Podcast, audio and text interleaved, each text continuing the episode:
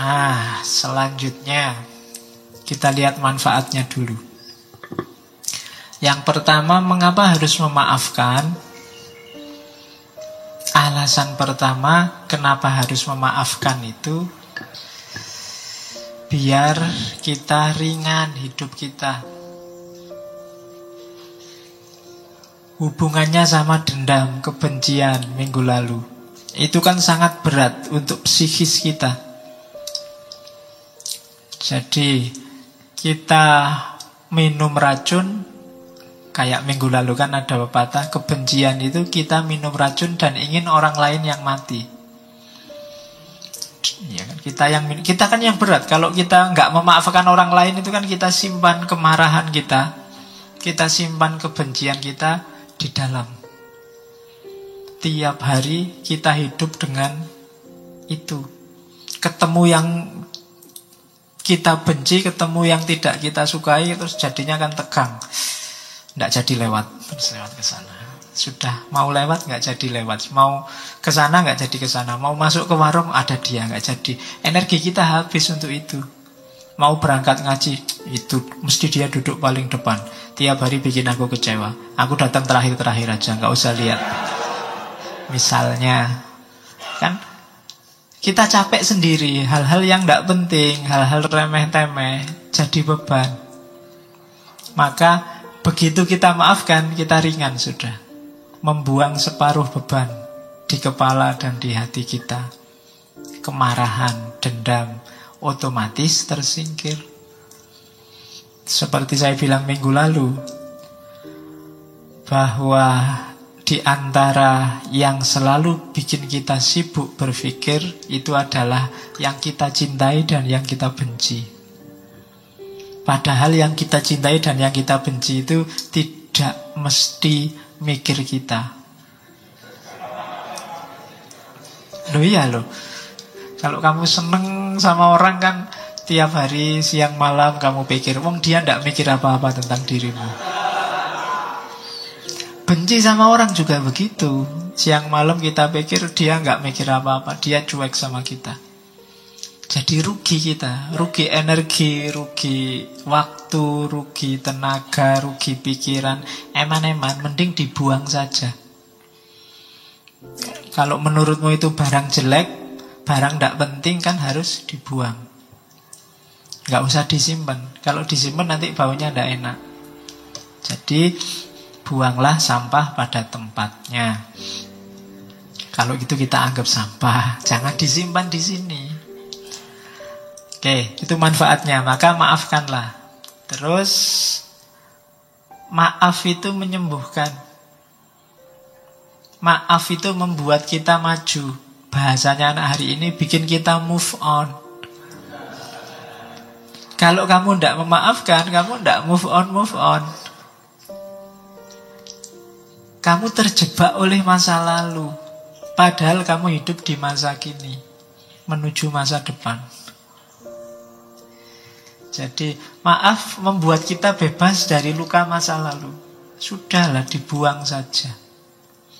Meskipun tidak harus dilupakan, kita ambil pelajaran. Kayak tadi tidak harus dilupakan. Kenapa? Biar kita jalannya memang ke depan, tidak ke belakang. Kalau kita hanya lihat ke belakang saja, ya nanti kita nggak bisa jalan ke depan. Sekali-sekali belakang itu buat pelajaran, tapi jangan fokus ke sana. Kayak naik motor itu loh.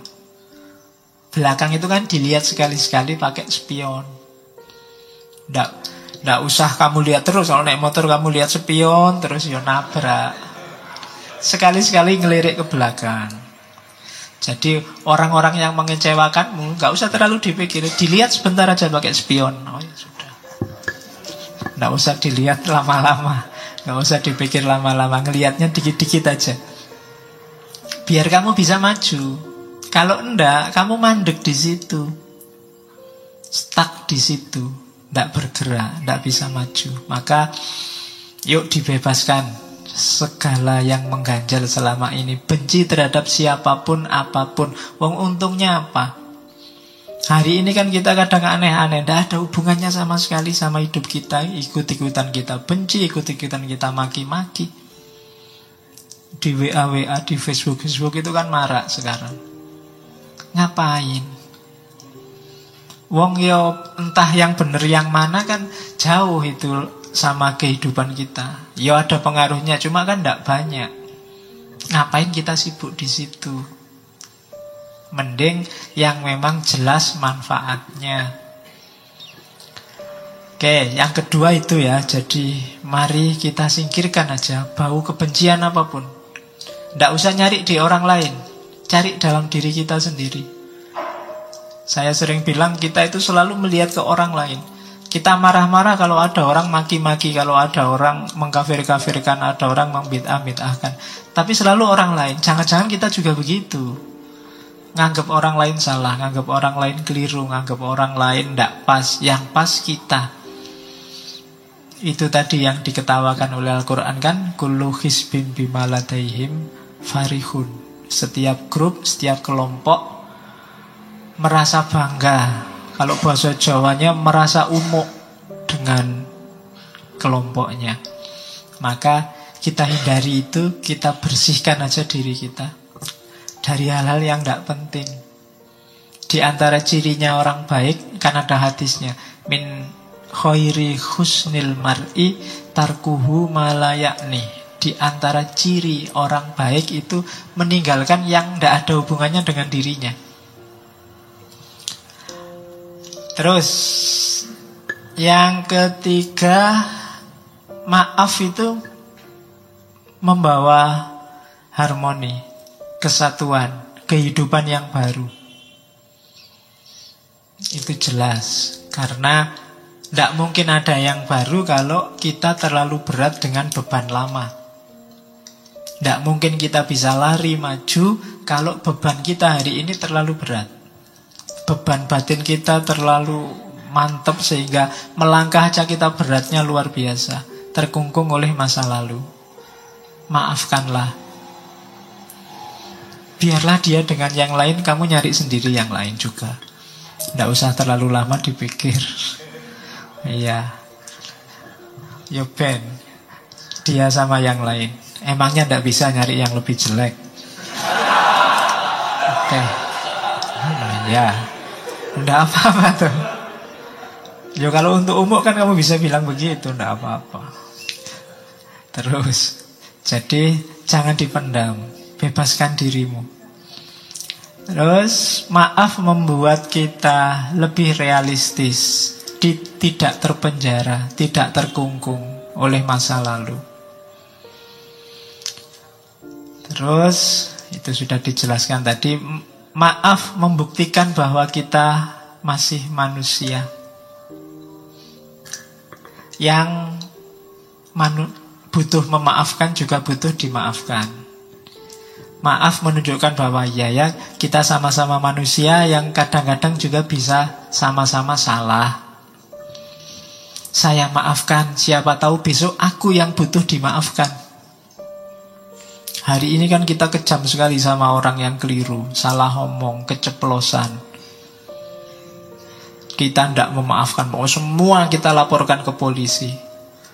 Mbok coba jangan-jangan besok kita yang keceplosan ngomong, jangan-jangan besok kita yang salah bicara. Kan sengsara juga kalau tiba-tiba salah ngomong terus dilaporkan polisi. Wong tadi niatnya guyon ya, tapi karena sudah terlanjur benci ya dilaporkan polisi. Jangan-jangan besok menimpa kita juga, maka ndaklah kita budayakan memaafkan. Kalau orangnya sudah memang minta maaf, ya kita maafkan. Karena siapa tahu besok kita yang butuh dimaafkan. Jadi peradaban yang saya bilang tadi, pemaafan itu levelnya tidak hanya level adil. Ya memang adilnya orang salah itu dihukum. Cuma pemaafan itu melampaui adil. Dia ada di level ihsan. Kan lebih enak jadi orang mulia. Di atasnya sekedar adil. Jadi maaf menunjukkan bahwa kita ini manusia bisa salah. Kalau orang lain minta maaf ya kita maafkan. Karena siapa tahu besok kita yang butuh dimaafkan. Yang terakhir di catatan saya mengapa harus memaafkan?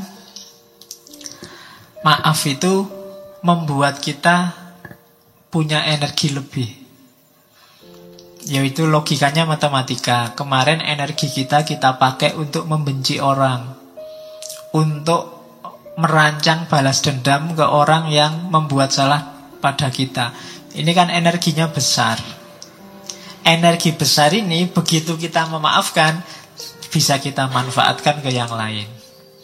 Yang lebih penting, yang lebih manfaat daripada pikiran yang negatif, rancangan hidup yang negatif hanya untuk balas dendam.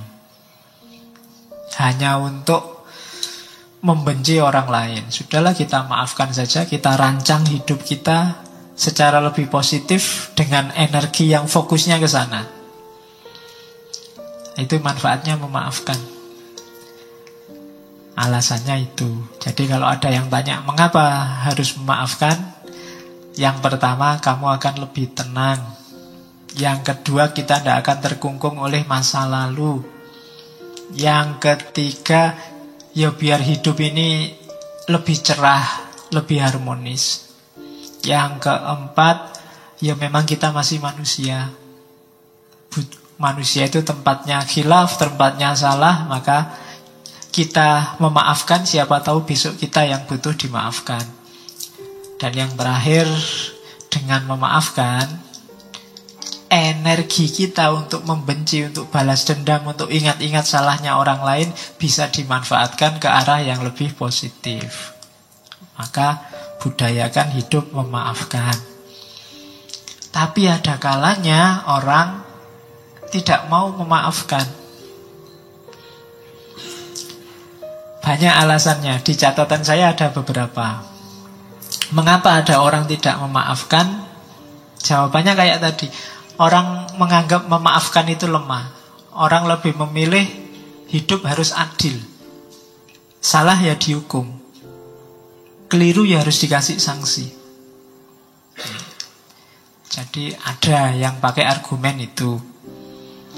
Agama kan ada hitung-hitungannya. Kalau orang minum khamr, hukumannya semacam ini. Kalau orang zina, hukumannya semacam ini. Nah ini tuntutan adil. Itu bikin orang tidak memaafkan. Jadi paradigma adil apa tidak boleh? Ya boleh. Cuma levelnya beda dengan pemaafan tadi. Agama kan ada itu banyak hukum-hukum syariat, harus begini, harus begitu kan itu. Ya dilihat konteksnya. Dalam banyak kasus Nabi lebih memilih paradigma pemaafan dibandingkan paradigma penghukuman, dibandingkan paradigma sekedar keadilan. Maaf itu kan kan banyak cerita, banyak yang tawanan perang harusnya dihukum mati adalah disuruh ngajar aja. Waktu Fathu Mekah itu kan kafir Quraisy kan disuruh. Diampuni semua. Musuhnya yang paling besar rumahnya malah dijadikan suaka barang siapa masuk rumahnya Abu Sofyan dia aman itu Nabi Muhammad paradigma memaafkan satu ketika ada anak muda yang menghadap pada Nabi dia ngaku, Nabi, saya kemarin baru saja zina. Nah, itu jarang ya ada kayak gini hari ini. Ya. Oke, kalau hari ini kan lebih dahsyat, tidak cuma ngaku, di video lagi. Nah, ya. Tinggal kita lihat bisa dia tidak cuma ngaku ada buktinya. Cuma tiga kali dia ngadep Nabi begitu. Di, di begitu ngadep pertama Nabi pura-pura tidak dengar. Terus Nabi minggir. Ngadep kedua Nabi bilang ah tidak mungkin kamu khilaf sebenarnya kamu tidak zina bertobat sajalah terus Nabi minggir sampai tiga kali Nabi masih begitu sudahlah kamu tobat saja Datang yang keempat baru Nabi bilang ya sudahlah kalau kamu ngeyel. Dia minta dirajam. Karena hukumannya orang zina itu kan rajam. Nabi bolak-balik bilang tobatlah. Itu kan maksudnya paradigma yang lebih tinggi dari bahasa adil. Tapi pemuda ini milih adil saja. Ya wis kalau mau rajam ya rajam lah, kamu sendiri yang mau. Jarang ya kayak gini anak muda sekarang. Oke, begitu dirajam, lemparan pertama, kedua, baru dia teriak-teriak, waduh Nabi ternyata sakit, masih boleh tobat enggak? Iya. Ya kan terus Nabi bilang ini sudah dibilangin sejak tadi disuruh tobat kok ngeyel. Akhirnya diizinkan untuk bertobat. Ya lihat situasinya mungkin menurut Nabi eman-eman ini anak muda harapan bangsa. Iya. Oke. Itu memerlukan kecerdasan ya membaca kisah-kisahnya Nabi itu. Ada beberapa kisah yang harus diletakkan di wadahnya. Jangan dikeluarkan, harus hati-hati membacanya. Nanti jangan-jangan baca ini, wah kalau gitu besok zina aja lah terus tobat. Yo, konteksnya beda. Anak ini mungkin menyesal beneran sampai ngadep Nabi minta dirajam itu kan menunjukkan dia memang sangat menyesal diulang sampai tiga kali menunjukkan benar dia memang ingin tobat. Tapi kalau kamu mungkin beda urusannya. Pingin dolanan hukum mesti. Oke. Kalau orangnya memang niatnya pingin main-main hukum mungkin sama Nabi tidak jam beneran. Cuma ini kan lihat anaknya masih muda. Nah itu paradigma memaafkan.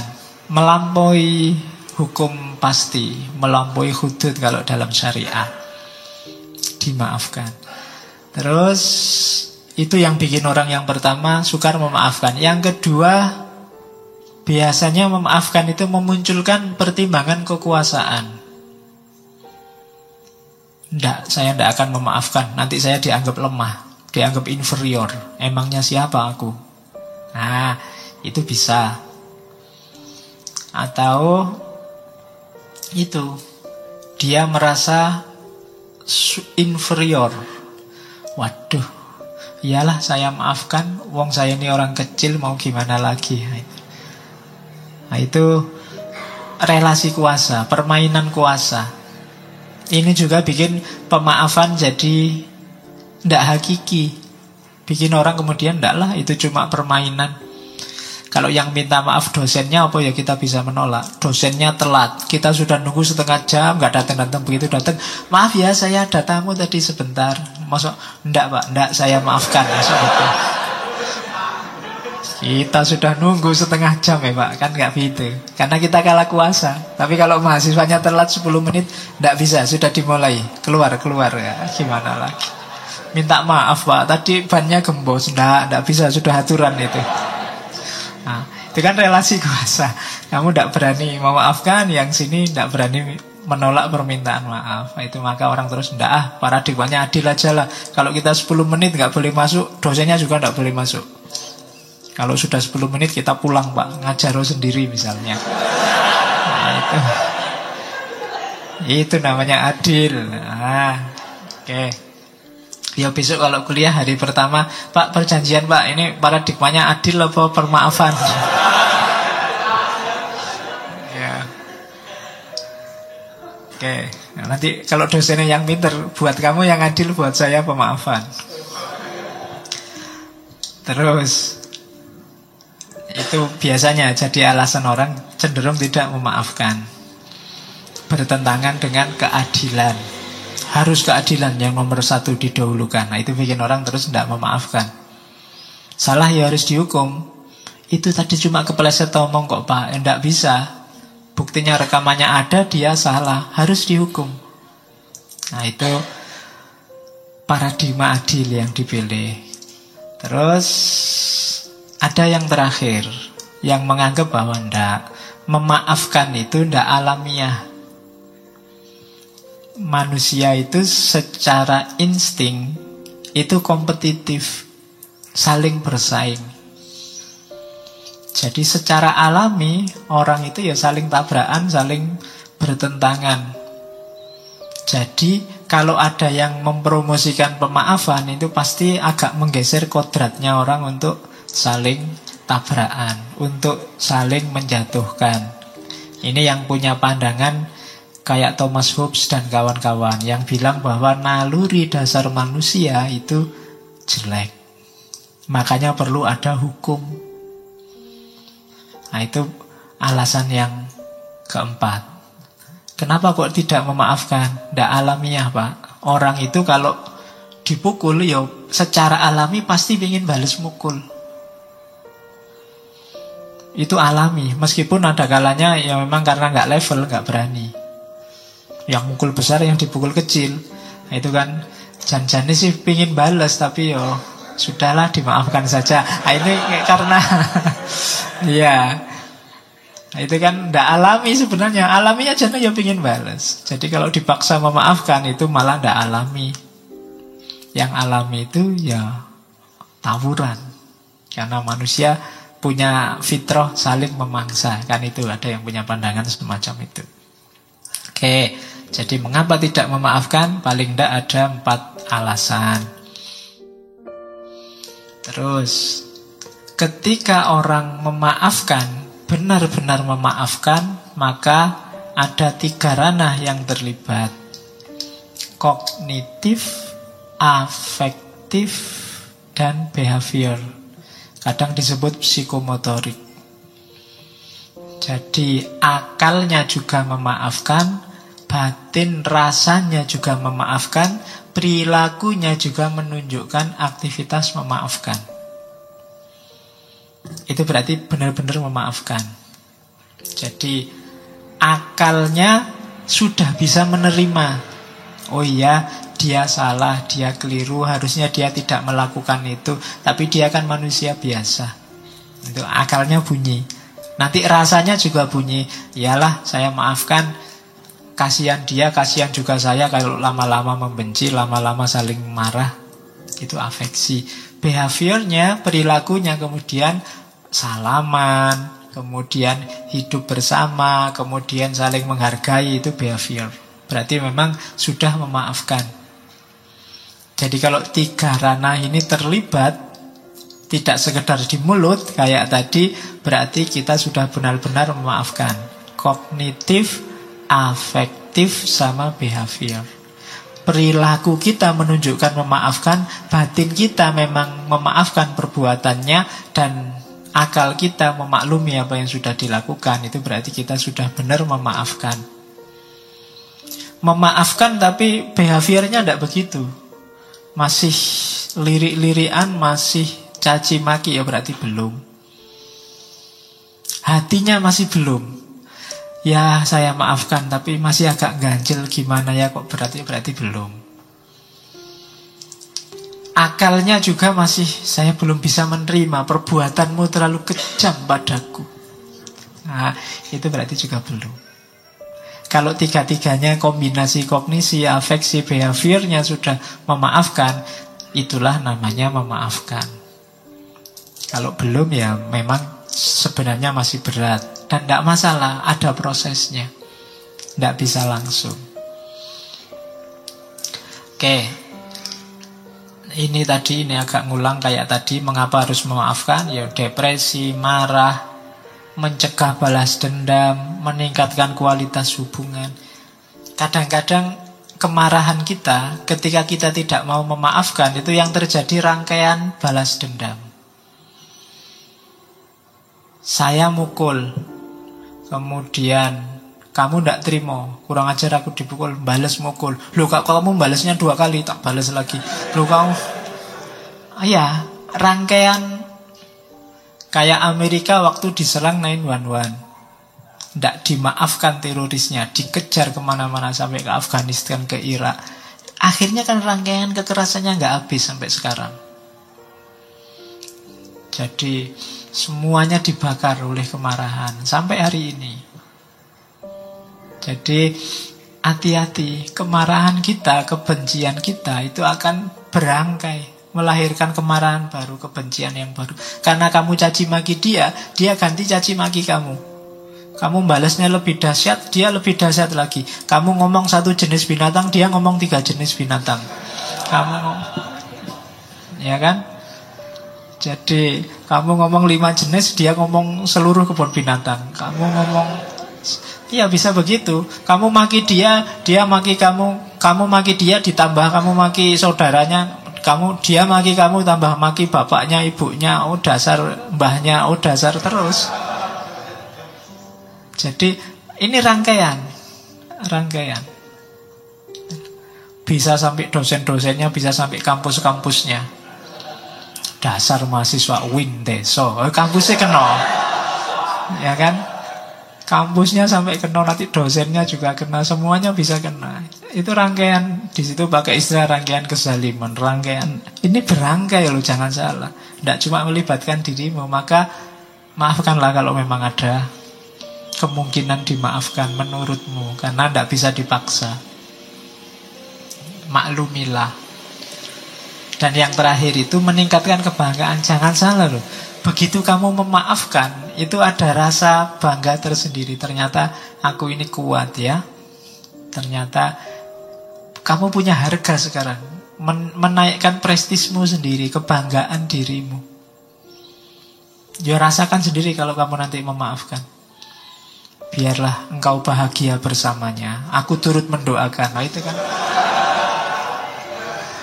Loh itu kan meningkatkan Orang yang lihat, wah kamu baik sekali ya, kamu sudah sudah begitu kamu masih mendoakan saja. Nah, itu ada kebanggaan diri. Oke. Terus sekarang prosesnya. Proses memaafkan itu yang jelas tadi ya disengaja. Terus tidak bisa langsung ongoing proses, butuh waktu. Bahkan dalam kasus tertentu perjuangannya sepanjang hidup. Ya kayak tadi, kamu dikhianati sekali, itu kan teringat terus. Ini kan anytime kamu berusaha untuk bertarung melawan ingatan bahwa kamu pernah dikhianati itu. Meskipun kamu sudah memaafkan. Dan resikonya kamu harus bertarung terus untuk tidak lagi mengingat-ingat kesalahan dia padamu. Jadi memang butuh waktu, takes time. Bahkan bisa sepanjang hayat. Karena itu memaafkan bukan proses yang mudah. Kemudian per permaafan juga sifatnya aktif, tidak pasif, tidak nunggu. Ya kapan-kapan kalau saya sadar saya maafkan Tidak Kamu harus berusaha bergerak untuk memaafkan. Kalau nunggu sampai batinmu siap memaafkan Ya tidak siap-siap. Karena memang karakter kita Kalau ada orang salah ya memang ingin balas Kayak tadi bawaan. Maka jangan ditunggu sampai kamu siap memaafkan Tapi berusahalah untuk bisa memaafkan. Berjuanglah. Meskipun tidak harus langsung Kemarahan yang ada di dadamu taklukkanlah pelan-pelan. Tidak harus ke susu. Carikan dasar yang kuat. Biar nggak sekedar ditutup-tutupi, tapi memang secara sadar dimaafkan. Karena kalau cuma ditutup-tutupi, pada saatnya bisa meledak. Tapi usahakan ya memaafkan yang benar. Maka itu sifatnya aktif tidak pasif. Jadi memaafkan itu justru menunjukkan keaktifan. Bukan menunggu orang minta maaf. Kemudian dari dalam. Jadi bereskan dalam dulu.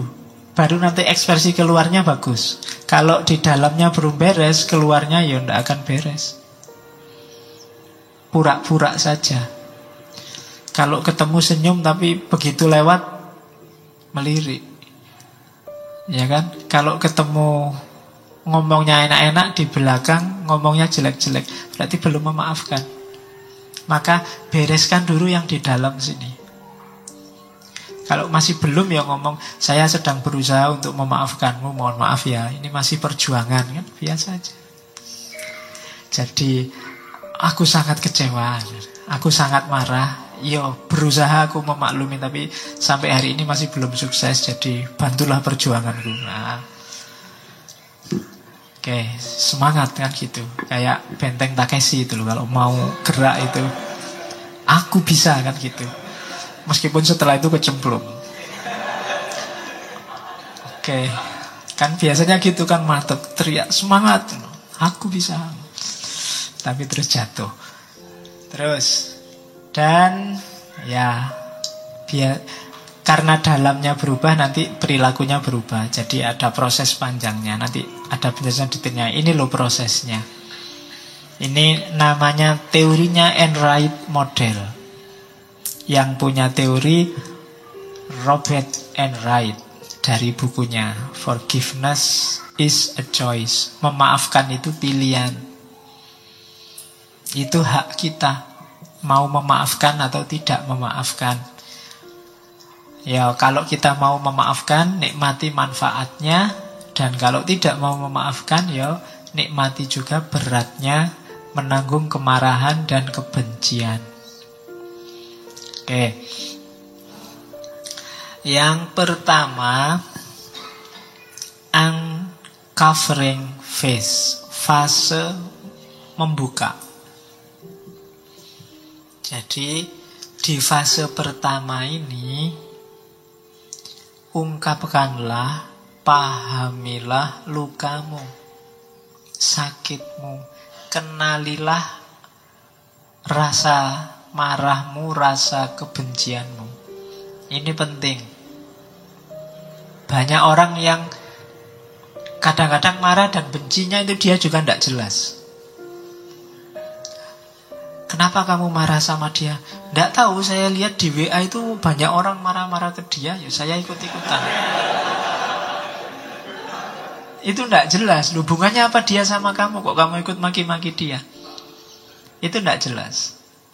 Kadang-kadang seolah-olah kamu ikut benci, ikut marah, padahal enggak, oh, kamu enggak ada hubungan apa-apa. Cuma kamu share aja, biar WA-nya enggak sepi, Pak. Kadang-kadang kan begitu kamu. Itu uncovering face. Kamu benci ke pacarmu itu loh misalnya. Karena dia kawin sama orang lain. Itu sakitmu itu di mana? Alasannya apa kok kamu sakit itu?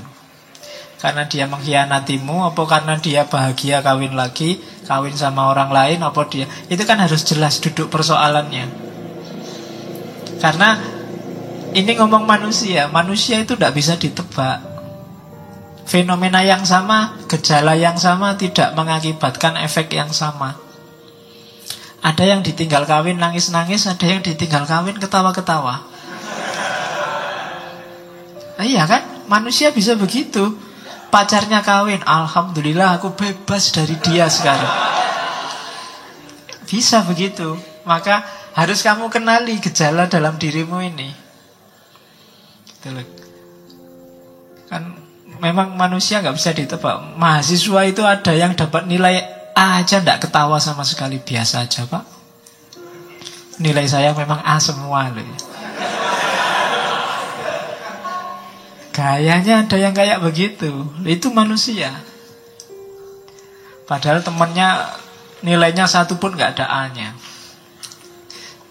Begitu dapat A mungkin orang ini sewenang. Tapi temannya yang satu semua A. Jadi A tidak terlalu wow bagi dia. Nah itu kan manusia. Maka perlu fase khusus uncovering. Coba dibongkar.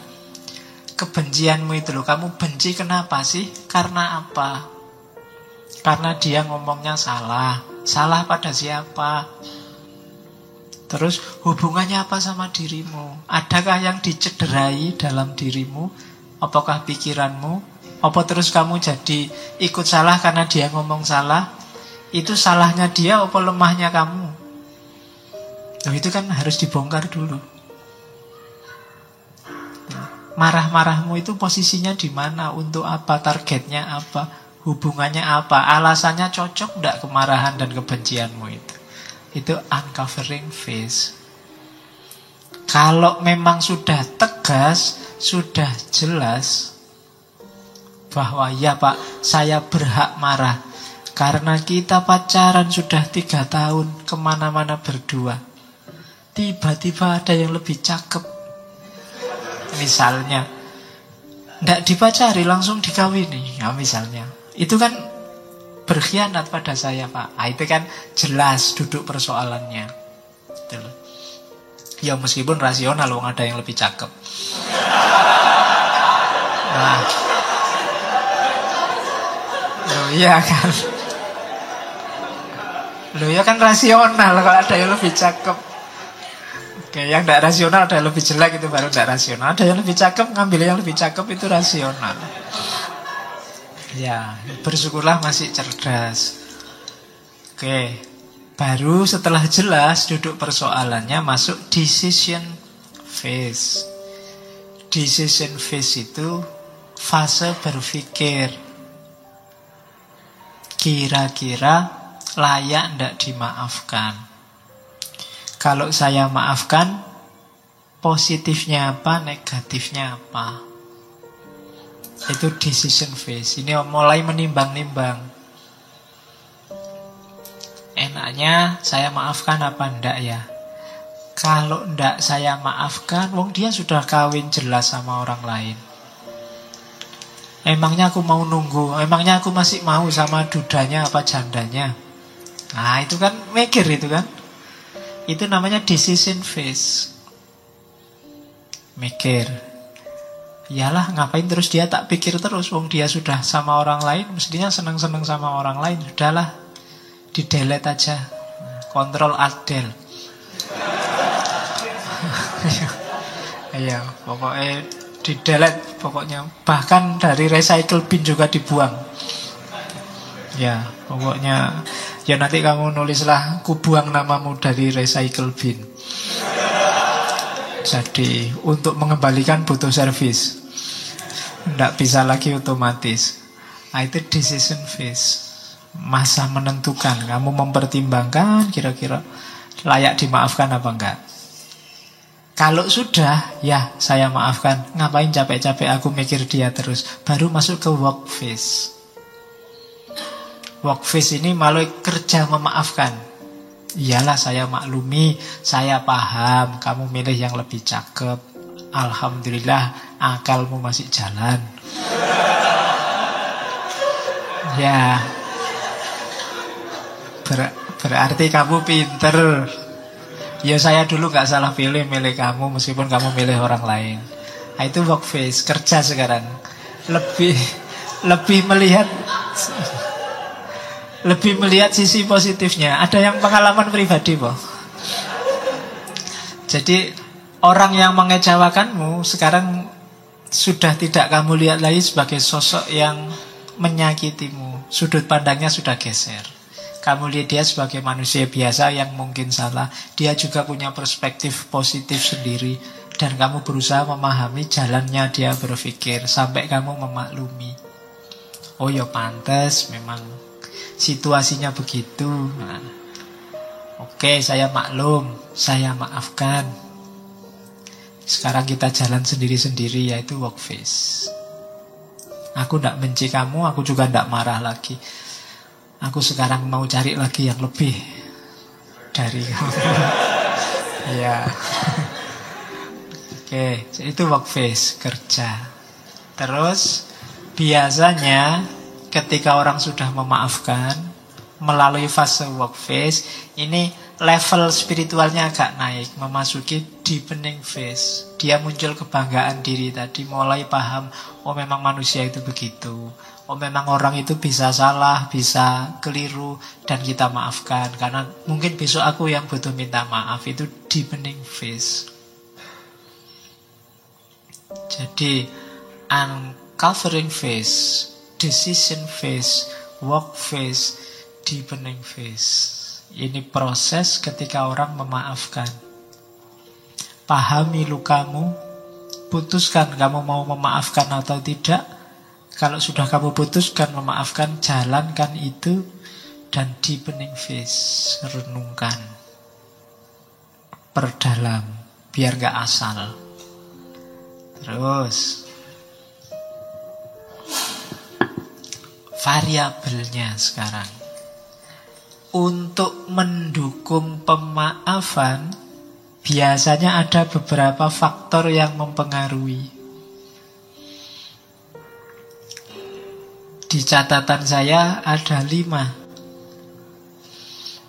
Yang pertama, empati. Empati itu kemampuan seseorang melakukan transposisi. Transposisi itu memposisikan dirinya di posisi orang yang diempati. Oh iya ya, kamu milih yang lain yang lebih cakep. Ya maklum sih kalau aku sendiri dapat yang lebih cakep, kamu juga tak tinggal kok.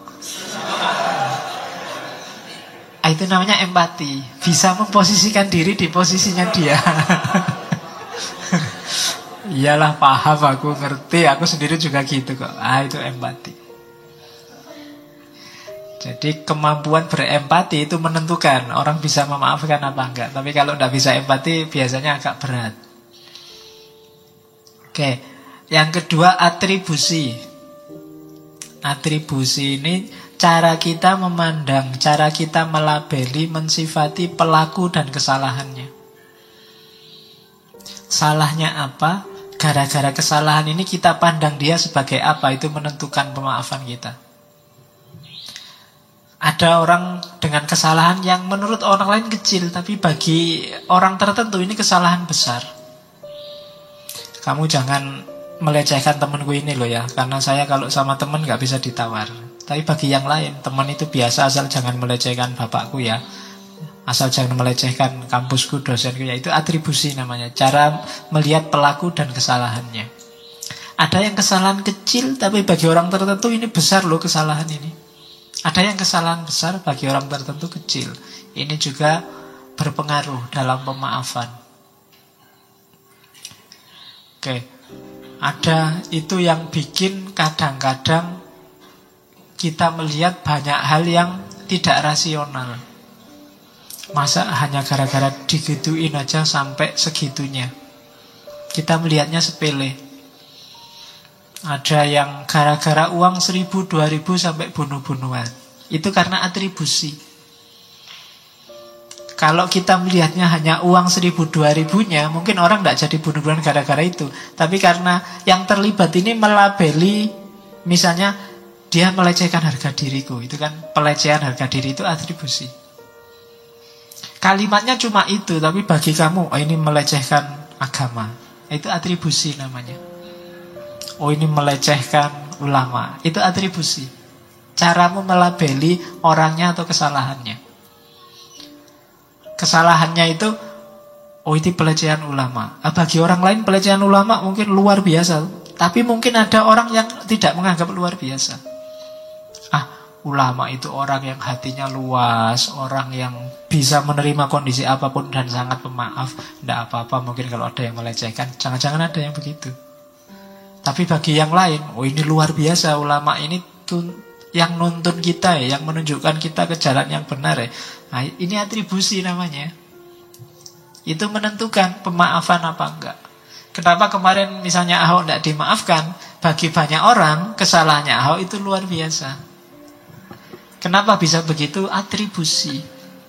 Cara orang ngasih atribut, ngasih karakter, sifat pada kesalahan. Ya kayak tadi, bagi temenmu yang ini diselingkuhi itu biasa karena dia juga sering selingkuh. Tapi bagi bagi temenmu yang satunya itu luar biasa karena dia setia. Nah, itu atribusi. Oke. Bahkan dalam beragama kadang-kadang begitu. Dengan orang sesama agama tapi beda kelompok lebih ganas dibandingkan kepada yang beda agama. Kan ada begitu? Itu atribusi. Cara menyikapi cara melabeli. Oke yang ketiga yang juga berpengaruh dalam pemaafan adalah tingkat luka ini sama ya tingkat luka itu juga tergantung orangnya orang-orang yang ada yang sangat sensi, sensitif, ada yang sangat cuek. Ada yang kesalahan kecil bikin luka dalam, ada yang kesalahan besar tapi tidak bikin luka apa-apa. Ada. Itu tingkat luka. Saya bisa menolerir kesalahan apa pun kayak dosen itu bilang asal tidak pelagiat. Nah, kalau sudah pelagiat itu sudah luka dalam misalnya. Jadi saya tidak akan tidak akan memaafkan. Nah, itu tingkat luka. Itu juga berpengaruh. Kemudian kepribadian orang. Orang tertentu sukar memaafkan, orang tertentu mudah memaafkan. Itu harus kita baca juga, ini berpengaruh juga. Ada orang yang gampang dendam. Disenggol dikit, marah.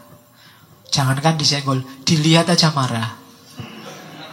Kan ada kan yang gitu, ngapain dia lihat kan gitu. Itu karakter, kepribadian, berpengaruh pasti dalam pemberian atau penolakan maaf. Yo, kalian baca sendiri diri kalian. Saya ini orang cenderung apa ya? Dan karakter itu bukan barang mati, bisa dilatih, bisa dibiasakan.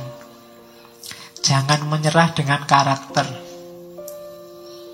Mas, mbok jangan males-malesan. Saya itu sudah watek ya Pak, males ini Pak Yesus. Tidak, bisa dibiasakan kok. Apa pun kalau manusia itu bisa, itu istimewanya manusia yang diberikan oleh Allah. Segala kemampuan kita itu sebenarnya semuanya bersifat choice, pilihan. Kamu ingin apa aja sebenarnya bisa. Tinggal kamu biasakan. Jadi karakter juga begitu. Tidak ada karakter Pak. Saya itu aslinya introvert loh Pak. Agak pendiam. Enggak. Kamu biasakan aja ekstrovert ya nanti nggak pendiam lagi. Gampang. Pak saya itu kok cerewet. Ya gampang Tidak usah ngomong Sudah jadi pendiam. Oh ya kan? Tinggal diam kan sudah jadi pendiam. Dan biasakanlah di pendiam Kayak katanya Burju itu kan.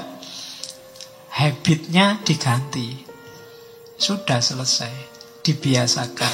Nanti kepribadianmu akan berubah. Itu ketemunya di para filosof eksistensialis nanti kan. Bahwa eksistensi kita, kita yang bentuk. Yang kelima kualitas hubungan. Ya kalau kualitas hubungan ya pastilah yang yang akrab sama kita, saudara, teman, mesti lebih mudah dimaafkan daripada orang lain sama sekali. Kan? Kamu jalan tiba-tiba ada yang mukul punggungmu, cuk gitu kan. Kalau orang lain langsung kamu tantang, kurang aja ngobrol tapi eh teman sendiri malah senyum-senyum salaman. Dimaafkan. Ketemu teman kan, saya ada teman kalau ketemu mesti jewet kuoras kali. Lama ndak ketemu itu. Padahal ya sakit beneran. Cuma karena teman ya sudah dimaafkan. Coba orang lain berani jewet gitu, wah bisa tawuran. Jadi kualitas hubungan menentukan.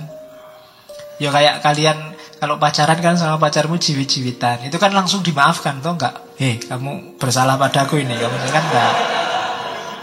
Kamu kan minta maaf enggak? Kan enggak begitu. Langsung dimaafkan. Hubungan menentukan. Yang dekat lebih mudah dimaafkan. Semakin jauh, semakin susah untuk dimaafkan. Nah, sekarang kita ngomong level. Jadi maaf itu levelnya ada enam. Ini saya bilang tadi, saya sandingkan dengan keadilan biar jelas hubungannya keadilan dan pemaafan. Ini level paling rendah dari pemaafan, level satu. Keadilannya jenisnya adalah punishment morality. Pemaafannya jenisnya revengeful forgiveness. Jadi di level pertama salah ya harus dihukum. Memaafkannya kalau orang yang salah sudah dihukum baru saya maafkan. Biar dia merasakan apa yang saya rasakan baru saya terima. Itu jadi pokoknya harus dibalas dulu. Baru saya maafkan. Ini level maaf paling rendah. Kalau kamu mengkhianatiku aku juga akan berkhianat juga. Biar kita impas terus saya maafkan kamu. Nah itu level paling rendah. Kamu mencurangiku ya dihukum dulu. Atau rasakan sakit dicurangi baru aku mau memaafkan. Nah, ini level paling rendah. Jadi memaafkannya bersyarat. Jadi level 1. Kita sering kayak gini. Jadi Ya memang karakter kita seperti dibilang di awal itu kan manusia sering ingin membalas orang yang menyakitinya. Biasanya, mbok sudah dimaafkan, ya saya maafkan, tapi dia harus merasakan sakit dulu seperti sakit yang aku rasakan. Nah itu level paling rendah dari pemaafan. Lah kok enak, dia salah kok mau melenggang, saya yang korban ini loh. Nah, itu Sebelum dia merasakan sakit seperti sakitku, aku tidak akan memaafkan. Level 1. Kalau mau naik kelas dikit, ada lebih kuat. Level 2. Oke. Ini nanti levelnya sampai 6. Level 2 keadilannya namanya individualism pemaafannya namanya conditional or restitutional forgiveness. Kalau ini minta dipulihkan, kalau tadi kan minta balas. Keadilannya adalah sesuatu, segala sesuatu ada timbal baliknya. Kalau engkau membantuku, aku akan membantumu. Itu teori keadilannya. Teori ini kalau diterjemahkan dalam pemaafan, ya Oke kamu saya maafkan tapi rugiku harus dipulihkan. Kalau ada barang yang diambil ya harus dikembalikan. Nah, itu level kedua. Jadi kondisional. Kalau tadi kan ingin balas, kalau ini tidak ingin balas, ingin situasinya dikembalikan seperti sebelum terjadinya peristiwa. Oke. Kok kamu selingkuh? Ya sudah, kita putus tidak apa-apa, tapi kembalikan kemarin aku neraktir habis tiga Ya, jangan salah kok. Antar jemput satu bulan itu ya kira-kira habisnya. Nah, itu pemaafan level 2. Jadi Nggak, nggak pengen balas selingkuh Menurut saya selingkuh itu jelek Nggak ada balas-balasan Ya cuma kembalikan segala kerugian Kemarin hadiah ulang tahun itu Tak belikan apa Ya harganya sekian Kemudian Ayo kan sudah terlanjur rugi aku kan gitu Nah itu pemaafan level 2 Ingin dipulihkan situasinya Dikembalikan kalau ada yang berkurang Nah ini memaafkan level 2 ini kayak beli rujak ya. Saya kemarin di Jawa Timur itu ada warung rujak pedesnya sampai level 10. Dari pedas level 1, level 2, level 3 sampai level 10. Kapan-kapan kalian ke sana. Yang suka pedes. Cuma ini bukan pedes tapi maaf, hanya sampai level 6. Level ketiga level keadilannya namanya mutual interpersonal expectation. Pemaafa, pemaafannya namanya expectational forgiveness. Kalau ini tidak diputuskan sendiri. Terserah masyarakat. Kalau menurut orang lain dia harus dimaafkan, ya saya maafkan. Kalau menurut banyak orang pantasnya dia saya maafkan, ya saya maafkan. Ini melihat lingkungannya. Kalau masyarakatnya bilang lapor aja, lapor aja, ya dilaporkan. Banyak loh yang meminta saya melaporkan. Nah itu. Nah, ini level ketiga. Jadi kalau masyarakat minta dimaafkan, sudahlah maafkan saja. Kita kan sama-sama satu kampung, sama-sama bersaudara. Ya sudah saya maafkan. Kalau ini nunggu keputusan bersama. Kalau ada kesalahan, enaknya gimana? Nah itu nunggu kesepakatan insidental, kesepakatan sosial yang terjadi. Ini level 3. Saya maafkan kalau menurut orang-orang di sini yang kayak gini ini lebih baik dimaafkan. Misalnya di masjid sandal hilang. Oh ya kalau di masjid itu Pak biasanya memang sandalnya hilang, sudahlah dimaafkan saja. Daripada dicari juga susah ketemunya misalnya. Oh ya sudah saya maafkan. Ini level ini.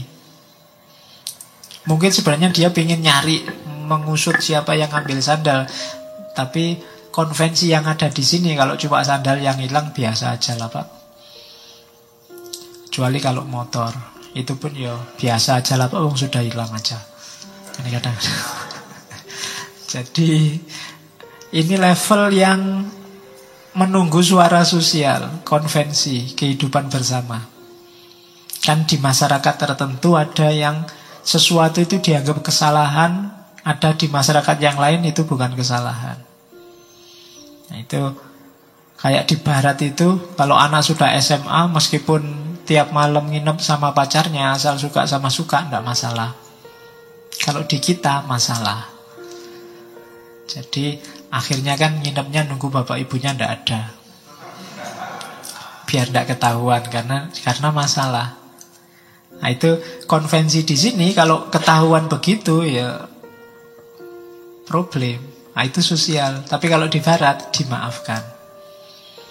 Jadi kalau versi orang barat tuh ketemu anaknya tidur sama temennya padahal belum kawin. Ini tadi dipaksa ndak? Ndak kok. Oh ya sudah dimaafkan. Kalau di barat kan yang tidak boleh yang pemaksaan itu. Meskipun sama istrinya kalau pemaksaan bisa urusan polisi. Tapi kalau di sini kan agak jarang yang urusan polisi kalau suami istri. Tapi kalau di barat beda kulturnya. Ah, itu kesepakatan sosial, konvensi di sana. Makanya kamu rugi jadi orang Indonesia.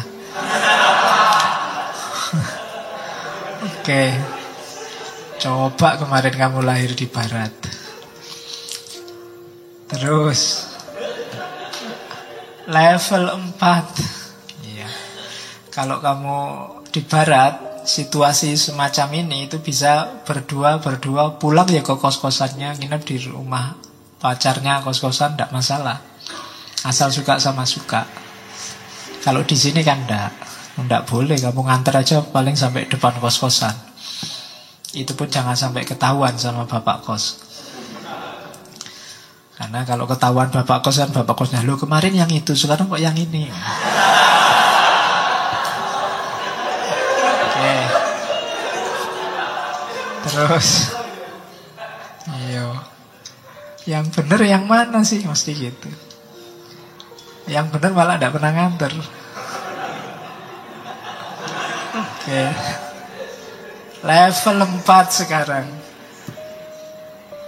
Keadilannya namanya social system and.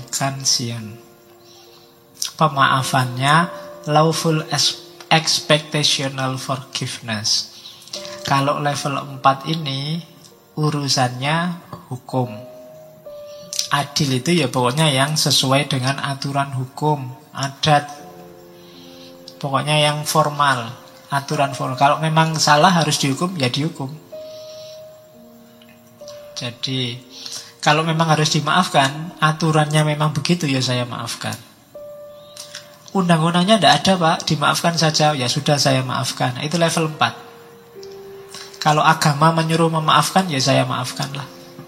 Jadi pokoknya manut undang-undangnya, manut hukumnya. Apakah hukum positif negara atau hukum-hukum agama.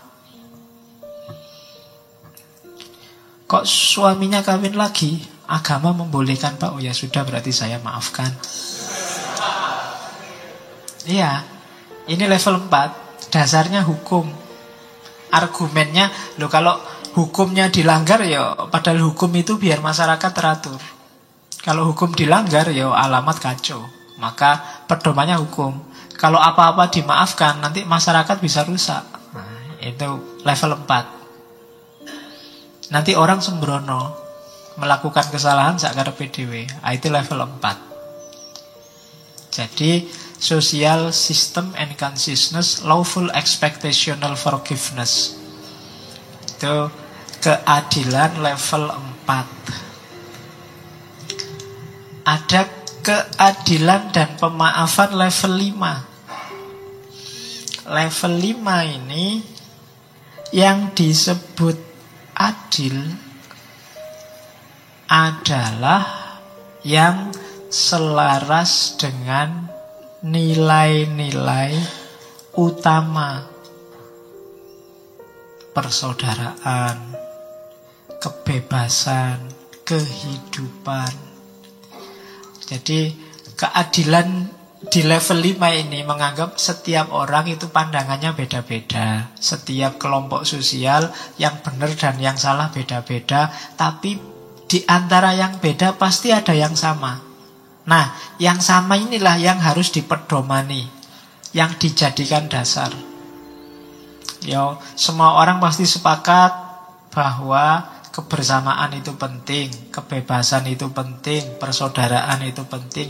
Ini kan tidak ada yang bantah. Ini berarti nilai-nilai utama. Meskipun orang berpikirnya beda-beda. Jadi pemaafannya adalah saya maafkan demi nilai-nilai tadi. Di level 5 ini saya maafkan kamu biar hidup kita harmonis. Memperjuangkan nilai harmoni. Saya maafkan kamu karena kita sesama muslim bersaudara jadi biar tidak ada tawuran sesama saudara saya maafkan. Nah, itu nilai demi nilainya. Meskipun secara hukum kamu bisa saya tuntut, meskipun menurut masyarakat harusnya kamu tidak saya maafkan. Tapi menurut saya lebih indah kalau kita saling memaafkan. Nah, itu demi nilai.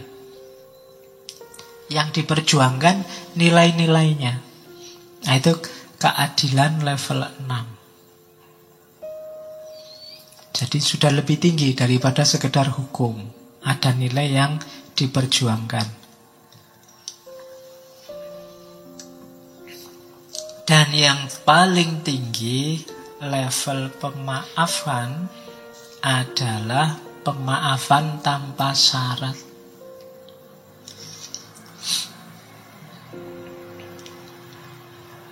Jadi saya maafkan kamu karena kita manusia yang bisa dan sangat mungkin salah.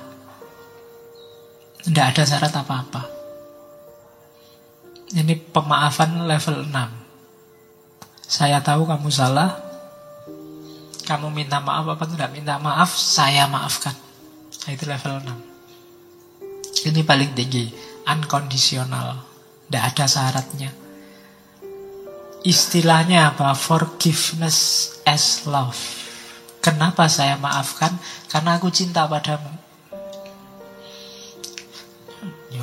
Cinta bukan cinta kayak tadi loh ya, yang diselingkuhi, yang dianuin enggak. Cinta yang murni, tidak ada pamrih. Kalau sama pacar kan cintanya ada pamrihnya. Oh iyalah.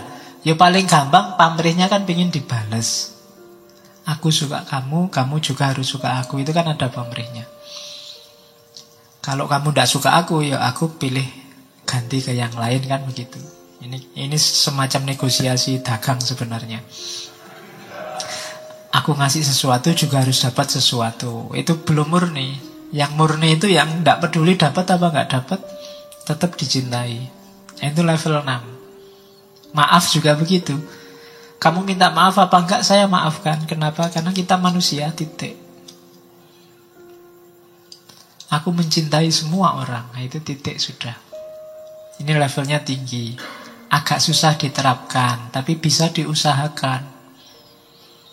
Di titik-titik tertentu, ada baiknya kita melihat seseorang di level manusia. Podo wonge sama-sama manusianya. Lepaskan dari semua atribusi tadi. Dia orang mana, kelompoknya apa, pernah bersalah apa tidak padaku dan seterusnya. Itu forgiveness. Maafkan di level manusia. Oke, jadi ada enam level pemaafan. Kalau tadi kan orang yang disalahi. Sekarang kita bahas orang yang bersalah. Jangan keliru, orang yang bersalah juga butuh memaafkan dirinya sendiri. Kalau tidak, sama kayak orang yang tidak memaafkan, dia juga tidak akan bisa move on. Orang yang selalu merasa bersalah, itu juga tidak bisa apa-apa. Dia tersiksa, terpenjara oleh kesalahannya. Di titik tertentu dia harus memaafkan dirinya sendiri. Cuma memaafkan ini ada prosesnya, itu ada empat proses itu. Responsibility, remorse, restoration, dan renewal. Lakukan empat ini maka kita bisa memaafkan diri kita sendiri. Kadang-kadang kan kita memang khilaf. Kok gitu ya tadi aku ngomongnya? Nah itu kan menyesal. Gini ya situasinya. Kok aku tadi melakukan itulah harusnya nggak saya lakukan kok tak lakukan? Nah itu kita kan mensal tuh diinget-inget terus sampai nggak bisa tidur. Itu kan juga susah. Kadang yang bersalah itu double gelisahnya dibandingkan yang disalahi. Orang yang bohong itu gelisahnya dua kali lipat orang yang dibohongi. Kalau nggak percaya kamu coba coba bohong. Itu mesti gelisah. Maka lakukan empat hal ini untuk memaafkan diri sendiri. Yang pertama apa? Responsibility. Tanggung jawab. Akui kalau salah dan siap tanggung jawab. Segala kerugian akibat kesalahan ini saya siap menanggungnya. Kalau ada kerugian materi, saya ganti kalau punya. Ya, kalau punya, kalau nggak punya diganti pakai apa? Ya, kalau resikonya harus polisi ya monggo dipolisikan. Saya siap tanggung jawab. Itu lebih kondusif untuk hidup yang lebih ringan. Diakui dan siap tanggung jawab. Oh iya pak, saya yang nyontek tadi. Kalau saya nggak lulus mata kuliah ini tidak apa-apa pak. Lebih ringan kan hidupmu daripada Enggak pak saya nggak nyontek. Kebetulan aja ada kertas buka kok ada materinya. Iya kalau kamu Kan semakin berat itu kan kamu di luar. Wah iya ya tadi bohong sama dosennya ngapain gitu aja? Wong nyontek gak nyontek paling nilainya segitu-gitu aja maka responsibility, tanggung jawab. Nanti bikin kamu ringan. Kalau sudah mengakui dan siap tanggung jawab, remorse. Remorse itu menyesal. Dalam aku tidak akan ngulang lagi, kapok aku. Itu menyesal. Kalau siap tanggung jawab, tapi kok tidak menyesal, itu alamat diulang lagi. Harus ada menyesalnya. Saya tidak akan ngulang lagi, Pak. Saya menyesal, itu remorse. Kalau sudah remorse, nyesel tau tadi, baru restoration. Restorasi itu memperbaiki yang keliru. Kalau ada hak yang harus dikembalikan, dikembalikan. Dirinya sendiri, mentalnya yang rusak dipulihkan. Dinasehati, diputihkan lagi, diingat-ingat bahwa tidak usah melakukan kayak gitu lagi, dibersihkan batinnya, dikembalikan semua hak yang berkaitan itu namanya restoration. Siap untuk mengembalikan, siap untuk memperbaiki segala yang rusak lahir maupun batin.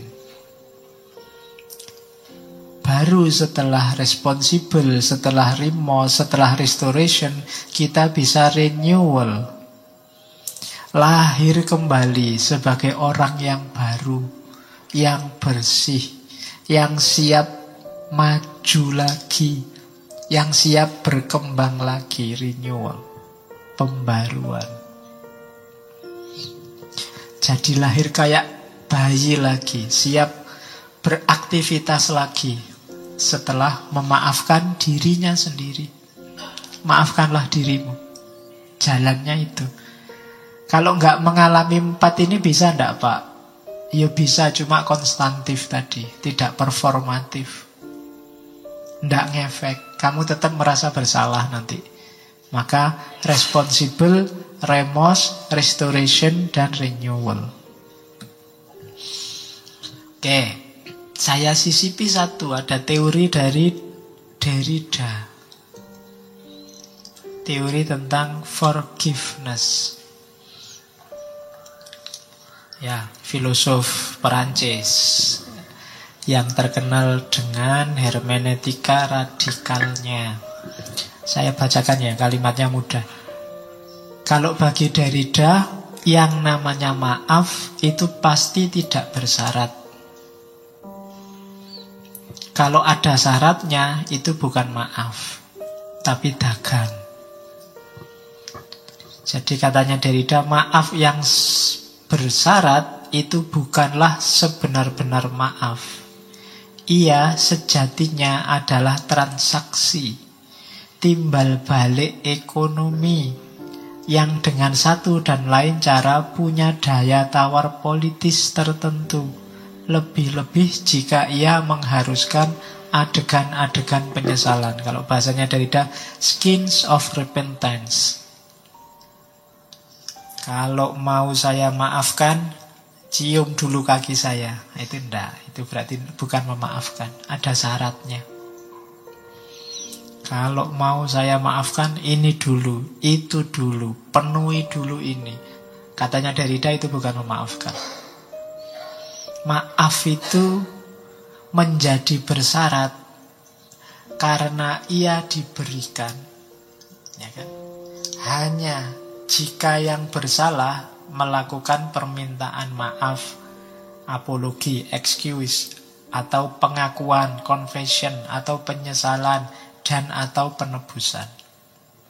Jadi maaf itu disebut bersyarat kalau kita yang pertama apa? Nyuruh orang minta maaf. Ini berarti maafnya jadi bersyarat.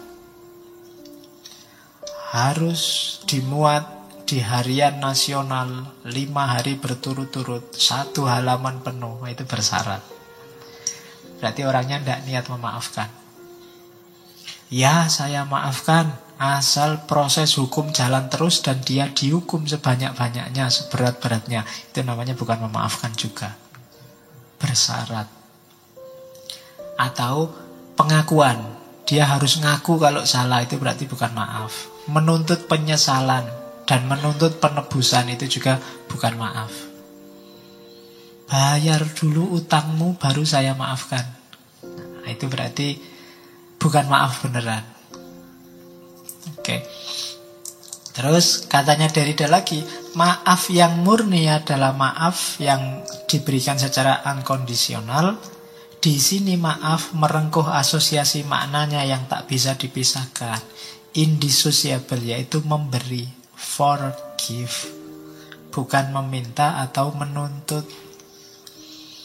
Kenapa sih istilahnya memberi maaf? Ya kalau bahasa Inggris kan forgive, for itu kan untuk memberi, forgive, give itu memberi.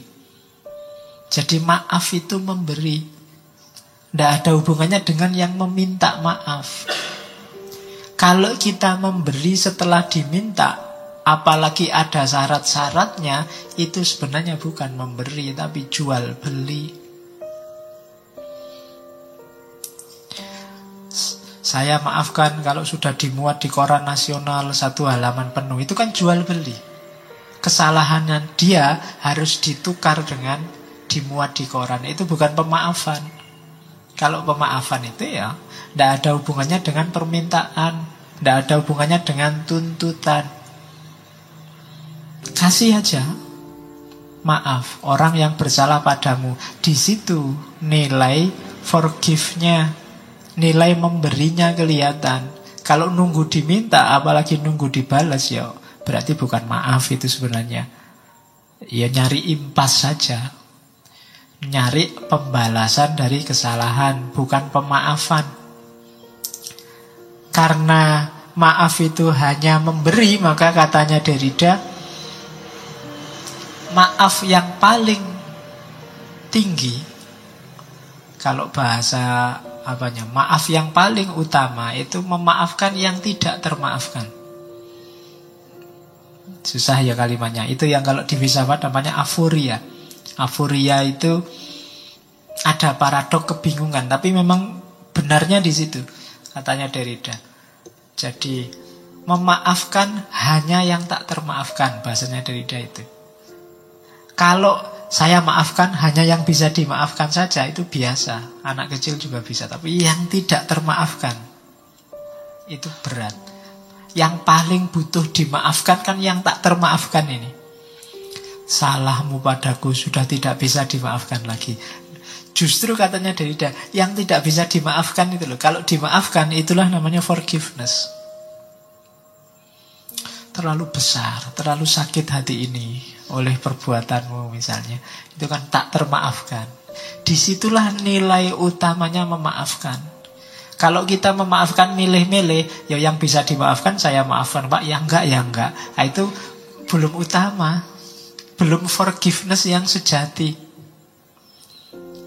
Forgiveness yang sejati itu ya memaafkan semuanya. Khususnya yang tak termaafkan. Jadi itu benar-benar bersih dari marah, dari dendam. Kalau kita masih pilih-pilih, masih bersyarat, masih belum memaafkan. Ah itu derida. Oke.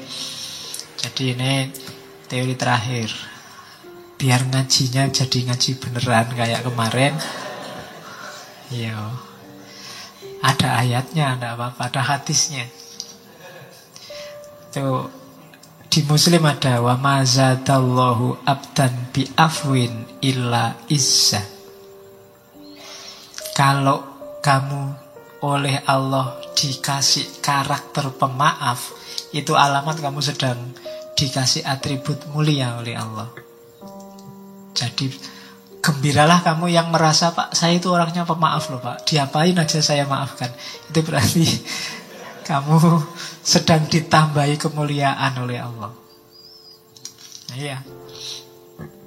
Oke kan Walaman sobaro wa ghafaro inna dzalika lamin asmil umur. Itu sudah kita hafal ya surat Asy-Syura alladzina yunfikuna fis sarra'i wadh-dharra'i wal kadhiminal wal afina 'anin nas. Wallahu yuhibbul muhsinin. Ada cerita dari ayat ini ada salah seorang imamnya Syiah namanya Musa Al-Kadhim yang dia digelari Al-Kadhim karena ada hubungannya sama ayat ini. Wal kadhiminal ghaidho orang yang menyembunyikan orang yang apa menahan amarahnya. Wal afina anin nas wallahu yuhibbul muhsinin. Jadi ceritanya suatu ketika Musa Kadhim ini wudhu kalau zaman dulu wudhu itu sama budaknya yang bawa cedok isinya air airnya dituang dia wudhu cuma budaknya ini tidak hati-hati. Airnya terlalu keras jatuh muncrat kena jubahnya. Wong Musa al Kadhim mau marah sudah sudah bangkit wong budak nggak hati-hati. Dia mau marah begitu dia mau marah budaknya baca ayat ini. Wal kadhiminal wah dia tidak jadi marah. Terus dilanjutkan oleh budaknya wal afina aninas yang memaafkan. Ya sudah kamu saya maafkan. Begitu ditambahi kalimat yang terakhir Wallahu yuhibbul musinin Allah juga suka loh perbuatan baik. Oke kalau gitu kamu tak bebaskan. Tidak jadi budak lagi. Langsung tiga. Jadi Kalau kamu ketemu dosen yang sedang marah Bacain ayat ini Pak Wal kadhiminal Gak jadi marah toh kamu bolos tidak apa-apa. Wal afina anin nas. Dimaafkan ya Pak. Gitu. Wallahu yuhibbul muhsinin. Kasih nilai A ya Pak. Pakai aja ayat ini. Kamu kurang pinter sih memanfaatkan ayat. Oke. Ya, itu dua ayat yang lain silahkan dibaca. Wal yakfu, wal yasfahu, dan seterusnya. Itu kan Al-Quran menyindir Ala tuhibbuna ayah firallahu lakum? Maafkanlah. Apa kamu tidak senang kalau Allah memaafkan? Itu kan jawabannya ya mesti senang Demikian juga orang yang kamu maafkan. Dia pasti senang luar biasa Maka maafkanlah. Oke Nah kalau ini ayat-ayat para sastrawan dan filosof. Ya Itu Gandhi tadi saya sebut The weak can never forgive. Forgiveness is the attribute of the strong. Orang lemah tidak pernah bisa memaafkan. Memaafkan itu adalah karakternya orang yang kuat. Jadi kalau silahkan introspeksi kalian mudah memaafkan apa enggak Kalau sukar memaafkan itu tanda-tanda kalian lemah Yang atas itu Thomas Sass Thomas Sass bilang The stupid neither forgive nor forget. The naive forgive and forget. The wise forgive but do not forget. Jangan jadi orang bodoh. Orang bodoh itu tidak bisa memaafkan dan tidak bisa melupakan. Juga jangan jadi orang naif. Orang naif itu bisa memaafkan tapi terus lupa, melupakan. Akhirnya dia dibohongi terus, disakiti terus. Naif itu namanya. Jadilah orang bijaksana. Iya saya maafkan tapi saya tidak lupa. Semuanya diambil pelajaran. Biar gak ketipu lagi, biar gak disalahi lagi. Itu namanya the wise. Jangan jadi stupid, jangan jadi naif. Jadilah wise. Bisa memaafkan, tapi juga pinter Alexander Pope, sastrawan. To err is human, to forgive divine. Khilaf, salah itu manusiawi. Tapi memaafkan itu ilahi. Karakternya, divine. Ketuhanan. Karena sifat-sifat Tuhan kan banyak yang konotasinya memaafkan. Wafur, al-afu, dan lain-lain. Terus yang bawah hitam itu Gibran. Jangan mudah marah, jangan mudah balas dendam. Kalau prinsipnya an eye for an eye and the world would be blind. Kalau prinsipnya mata dibalas mata, maka seluruh dunia manusia akan buta. Semua orang pernah salah. Semua orang pernah keliru. Kalau dasar perbuatan kita adalah balas membalas, rusak dunia ini. Kalau mata dibalas mata, ya kita semua akan buta. Jadi jangan eyes for eyes. Meskipun saya bilang tadi eyes for eyes itu ya adil sih paradigmanya. Cuma kalau semua menuntut keadilan eyes for eyes, the whole world would be blind. Dunia ini akan buta. Forgiveness is not an occasional act. It is a permanent attitude. Martin Luther King Jr. Memaafkan itu bukan perilaku kadang-kadang okasional, perilaku insidental, tapi permanen attitude, maka harus dilatih jadi watak. Latihan terus. Biar kita bisa jadi pribadi yang mudah memaafkan. Terakhir C.S. Lewis, sastrawan Inggris. Everyone says forgiveness is a lovely idea until they have something to forgive. Setiap orang bilang memaafkan itu indah, gagasan yang bagus, sampai mereka sendiri harus memaafkan. Maksudnya apa? Kalau dibahas gini ya memang enak. Coba dipraktekkan, katanya Louis. Kalau diomongkan gini sih santai, tapi begitu kita sendiri yang harus memaafkan, jangan salah berat, makanya butuh orang-orang yang kuat. Diceramahkan gini enak, mungkin saya sendiri juga mungkin dalam hal tertentu kadang susah memaafkan. Maka diingatkan oleh Louis, iyalah diskusi tentang pemaafan, lovely idea, gagasan yang indah, menyenangkan. Coba besok kalau ngalami sendiri, bisa tidak memaafkan? Nah, itu sindirannya Louis, karena memang yang bisa memaafkan hanya orang-orang yang kuat. Oke, alhamdulillah.